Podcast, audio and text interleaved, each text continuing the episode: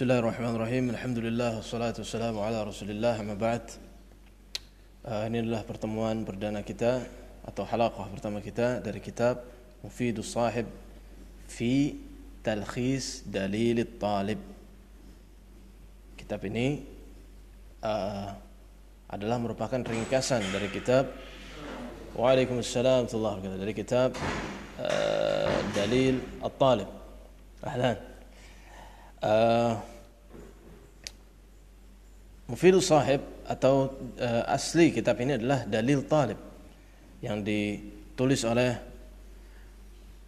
seorang faqih yang bernama Syekh yang dikenal dengan dikenal luas dengan Syekh Al-Mar'i Al-Karmi. Ya, beliau dikenal luas dengan Syekh Al-Mar'i Al-Karmi Kitab ini uh, ditulis di dalam sesuai dengan apa yang digariskan atau apa yang di uh, digariskan oleh ulama-ulama madhab Hambali. Uh, madhab Hambali asalnya adalah dari fatwa-fatwa Imam Ahmad lalu kemudian dikembangkan dilebarkan dalam masalah-masalah apa yang tidak disebutkan oleh Imam Ahmad yang sesuai dengan kawaid kaidah-kaidah bagaimana Imam Ahmad memahami dalil Al-Qur'an dan Sunnah.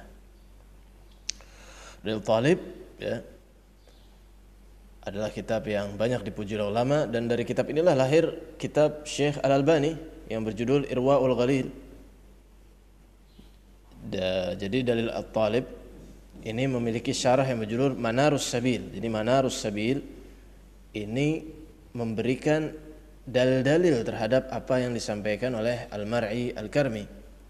Jadi uh, Syekh Al-Mar'i itu tidak menyebutkan dalil karena memang kitab yang ringkas ya kitab yang praktis tidak menyebutkan dalil dalam kitabnya dalil-dalil tersebut disampaikan oleh Syekh oleh oleh penulis Manarus Sabil oleh penulis Manarus Sabil uh, Manarus Sabil hadis-hadisnya ditakhrij oleh Syekh Al-Albani. Dalam artian hadis-hadis tersebut ada yang kuat, ada yang lemah, ada yang sahih, ada yang dhaif.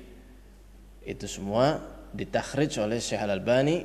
Jadilah kitab ya menjadi kitab yang asalnya Manarus Sabil itu uh, beberapa mencetak uh, mencetaknya dengan tiga tiga jilid, ada yang mencetak dengan satu jilid tebal tapi uh, dari hasil takhrij Syekh Al-Albani yang kemudian diberi judul Al-Irwaul Ghalil itu akhirnya kitab tersebut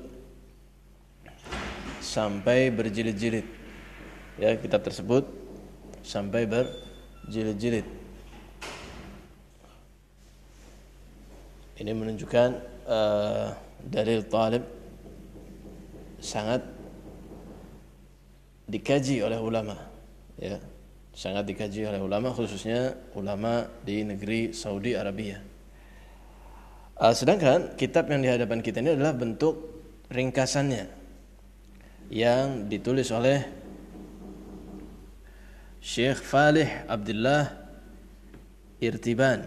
Syekh Falih Abdullah ya itu bisa dilihat di halaman 2 ya di buku yang atau PDF yang sudah saya uh, bagikan. Saya harap dicetak sehingga bisa ditulis ditulis bisa di uh, apa namanya diberikan pengantar apa diberikan uh, semacam catatan-catatan.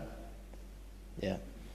Uh, Syekh Falih kalau kita lihat di kata pengantar beliau mengarang uh, bukan mengarang apa menulis kitab ini. Kenapa beliau meringkas? Karena beliau ingin memudahkan para imam-imam masjid dan para uh, kaum muslim yang ingin mengetahui hukum sesuatu dengan cepat ya. Karena dalil tolib dianggap terlalu luas uh, sehingga beliau ringkas. Dan bahkan banyak eh, masalah-masalah yang beliau buang ya. Mungkin bahasa kita yang beliau buang. Seperti uh, kitab jual beli beliau hanya menyebutkan berapa bab saja. Tidak semua masalah jual beli disebutkan. Jadi selain meringkas lafat-lafat yang ada di kitab ya juga meringkas bahkan ada beberapa bab yang beliau hilangkan sehingga betul-betul beliau pilihkan yang beliau rasa sangat dibutuhkan kaum muslim ya baik imam masjid dan sebagainya. Uh, pengajaran kita tentu ber, uh, mengacu pada kitab ini dan sebisa mungkin uh, saya berusaha tidak menyebutkan khilaf ya. Tapi jika diperlukan maka akan saya sebutkan khilaf ulama ya atau riwayat kedua dari Imam Ahmad atau beberapa pandangan lain dari ulama selain ulama madhab Ambali tapi uh, sebisa mungkin saya tidak keluar sehingga kita fokus dengan kitab ini dan uh, itu yang diamalkan. Kecuali memang kita mengetahui bahwa uh, atau kita pernah mendengar dari kajian lain dalilnya dhaif dan sebagainya maka tidak masalah untuk mengamalkan pandangan yang dilihat bahwa dalilnya lebih kuat yang pernah kita kaji sebelumnya. Tapi kalau misalnya uh, ada hal-hal yang belum kita belum pernah saudara-saudara uh, sekalian dengar ya Bapak Ibu sekalian atau yang mendengarkan uh, kajian ini belum pernah mendengar masalah tersebut. Lalu ketika ditanya atau ketika dalam sholat atau dalam ibadahnya atau dalam hal-hal yang lain uh, terpaksa atau uh, ada kejadian yang mengharuskan dia melakukan itu, maka tidak masalah dia memakai apa yang didapat di buku ini, di kitab ini, Mufidus Sahib. Meskipun dia mungkin belum tahu dalilnya atau belum melakukan penelitian lebih lanjut apakah dalilnya dibandingkan dalil yang kuat, maka tidak masalah karena sangat sulit untuk mencari meneliti seluruh masalah fikih ya maka e, jika masalahnya demikian misalnya tiba-tiba e, mendapatkan apa berita gembira lalu ingin melakukan sujud syukur tapi belum pernah belajar sujud syukur kecuali dari kitab ini nah maka ya dilakukan saja sujud syukur sebagaimana yang tertulis di kitab ini tidak masalah ya tidak masalah yang masalah ketika kita mengetahui bahwa uh, pandangan lain lebih kuat dalilnya tapi kita tetap mempertahankan apa yang diajari atau yang mazhab yang kita uh, pelajari misalnya. Nah, ini yang dicela oleh para ulama. Tapi yang demikian tadi maka itu tidak tercela bahkan itu yang hendaknya dilakukan karena sulit sekali untuk meneliti setiap masalah atau ketika itu kita darurat ya kan. Sujud syukur ketika saat itu juga sangat susah membuka kitab lagi dan sebagainya. Maka lakukan apa yang kita ketahui dari kitab ini misalnya.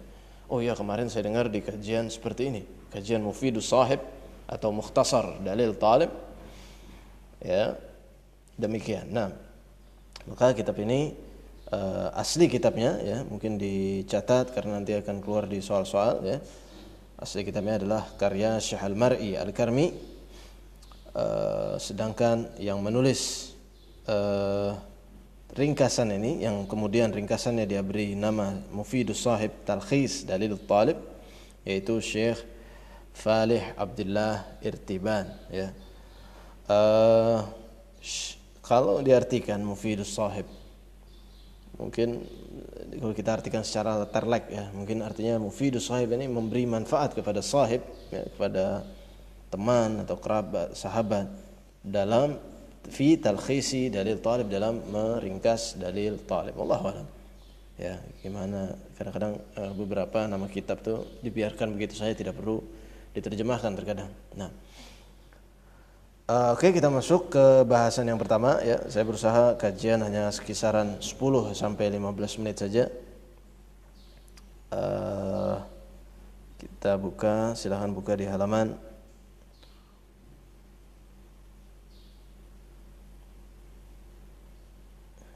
Baik.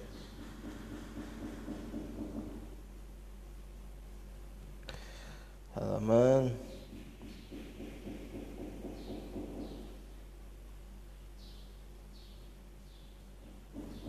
ya di halaman 18 ya yang judulnya Kitabut Taharah. Bismillah Kitab At-Taharah. Ya saya baca pelan-pelan sehingga bisa di apa namanya? bukunya dibeli harkat ya Kitab Taharah atau bab atau kitab tentang bersuci atau taharah. Uh, kenapa taharah yang di dalam banyak dalam kitab fikih di, di disebutkan karena fikih membahas hal-hal yang berkenaan dengan apa yang mesti dilakukan seorang muslim. Baik dalam pernikahan baik dalam jual beli baik dalam ibadah dia kepada Allah Subhanahu wa taala. Dan yang paling utama adalah e, perlakuan hamba sehari-hari adalah sholat yang paling utama. Karena itu yang menjadi timbangan kafir atau tidaknya seorang ya menjadi e, sejauh mana dia komitmen memegang rukun Islam. Maka sholat. Nah, sholat sebelum melakukan sholat maka sholat memiliki syarat-syarat. Salah satunya adalah syarat sholat ya. Salah satunya adalah bersuci dari hadas dan najis ya. Syarat sholat banyak. Ada eh, apa namanya waktu ya kan masuk waktu ada menghadap kiblat salah satunya adalah selain itu adalah uh, mensucikan diri dari hadas dan mensucikan diri dari uh, najis. Ya. Nah pertanyaannya mungkin ada yang bertanya kenapa bukan waktu sholat yang didahulukan gitu kan? Karena kalau belum masuk waktu sholat kita uh, tentu tidak sholat. Kenapa kok syarat yang didahulukan adalah syarat bersuci? Ada beberapa ulama menjelaskan bahwa karena toharoh ini paling banyak macamnya bersuci dari hadas dan najis ini paling banyak macamnya. Ada masalah tayamum ada masalah haid ada masalah mengusap khuf ada masalah wudhu ada wudhu juga airnya apa yang dipakai. Itu banyak sekali masalahnya dibandingkan syarat-syarat yang lain. Syarat waktu misalnya atau syarat kiblat misalnya. Sedikit aja ya kan? Kiblat itu begini kalau dekat Ka'bah begini kalau jauh Ka'bah begini kalau dalam safar tidak bisa menghadap kiblat maka hukumnya begini dan begini. Mungkin cukup satu halaman. Tapi toharoh banyak sekali sehingga itulah dia ditaruh di depan karena banyak sekali macam dan variannya. Baik. Uh, kita bahas kitab toharoh ya kitab yang menjelaskan toharoh sudah disinggung tadi kenapa dimulai dulu dengan toharoh uh, selanjutnya beliau menyebutkan uh, ta'rifut atau pengertian toharoh wahia raf'ul wa zawalul khabas yaitu mengangkat hadas. Arti toharoh adalah aktivitas mengangkat hadas. Ya toharoh yang sering diartikan dan bersuci ya. Itu adalah aktivitas mengangkat hadas atau menghilangkan hadas. Wazawalul khabas dan aktivitas ya hilangnya atau uh, aktivitas menghilangkan najis ya atau bisa juga aktivitas mengangkat hadas dan zawal dan hilangnya najis hilangnya khabas khabas itu najis ya Perlu dibedakan antara hadas dan najis. Kalau najis itu adalah suatu yang bisa diindra. Ya, sesuatu yang dianggap mustakzar, dianggap kotor oleh syar'i yang wajib dibersihkan. Karena ada sesu, uh, banyak hal yang dianggap kotor oleh manusia tapi tidak secara syar'i tidak syariat tidak mewajibkan untuk menghilangkan itu ketika sholat. Tapi najis ini adalah hal-hal yang kotor, yang menjijikan, yang diwajibkan untuk menghilangkan. Dan dia sesuatu yang bisa dilihat. Sedangkan hadas, hadas ini adalah aktivitas yang membatalkan wudhu. Ya. Aktivitas, ya. hadas ini adalah uh, sebuah hal yang dengannya apa wudhu itu batal ya atau hadas ini adalah sesuatu yang melarang atau menjadikan orang tidak bisa melaksanakan ibadah yang membutuhkan tahara. Jadi kalau najis tadi dia bisa diindra, bisa dilihat, bisa dicium, ada aromanya. Kalau hadas ini tidak. Ya, misalnya orang buang angin, angin adalah hadas. Ya, aktivitas buang angin adalah hadas. Tapi orang tidak tahu oh ini berhadas, tidak kelihatan kecuali kalau setelah dia memberitahukan oh saya tadi buang angin. Ya. Nah, maka kalau misalnya ada pertanyaan orang terkena kencing bayi dia sudah wudhu batalkah sholat batalkah wudhunya jawabannya enggak. Karena kencing bayi itu adalah najis bukan hadas. Yang hadas kalau dia kencing kalau orang ini kencing. Jadi yang hadas itu aktivitasnya aktivitas buang air seni. Tapi kalau air seninya itu najis ya ah, jadi kalau misalnya dia terkena misalnya di tengah jalan udah wudhu kena Eh, liur anjing maka wudhunya nggak batal. Ya tinggal dia bersihkan tangannya baru setelah itu sholat ya. Uh, karena itu bukan hadas tapi itu na, najis. Untuk menghilangkan najas nah, hadas dan uh, menghilangkan najis dan menghilangkan mengangkat hadas ini butuh media. Media butuh sesuatu media. Maka medianya adalah air kalau tidak ada air debu ada juga beberapa hal-hal yang bisa dihilangkan dengan disamak Nah, yang pertama adalah air. Maka setelah ini Syekh menyebutkan aqsamul miyah salasa. Ya. Uh, air ya di dunia ini terbagi ya di dunia ini secara najis atau tidaknya air, suci atau tidaknya air, boleh dipakai wudhu atau tidak, itu terbagi menjadi tiga. Uh, insya Allah akan kita bahas besok ya. آه، والصلاة والسلام على نبينا محمد. نعم.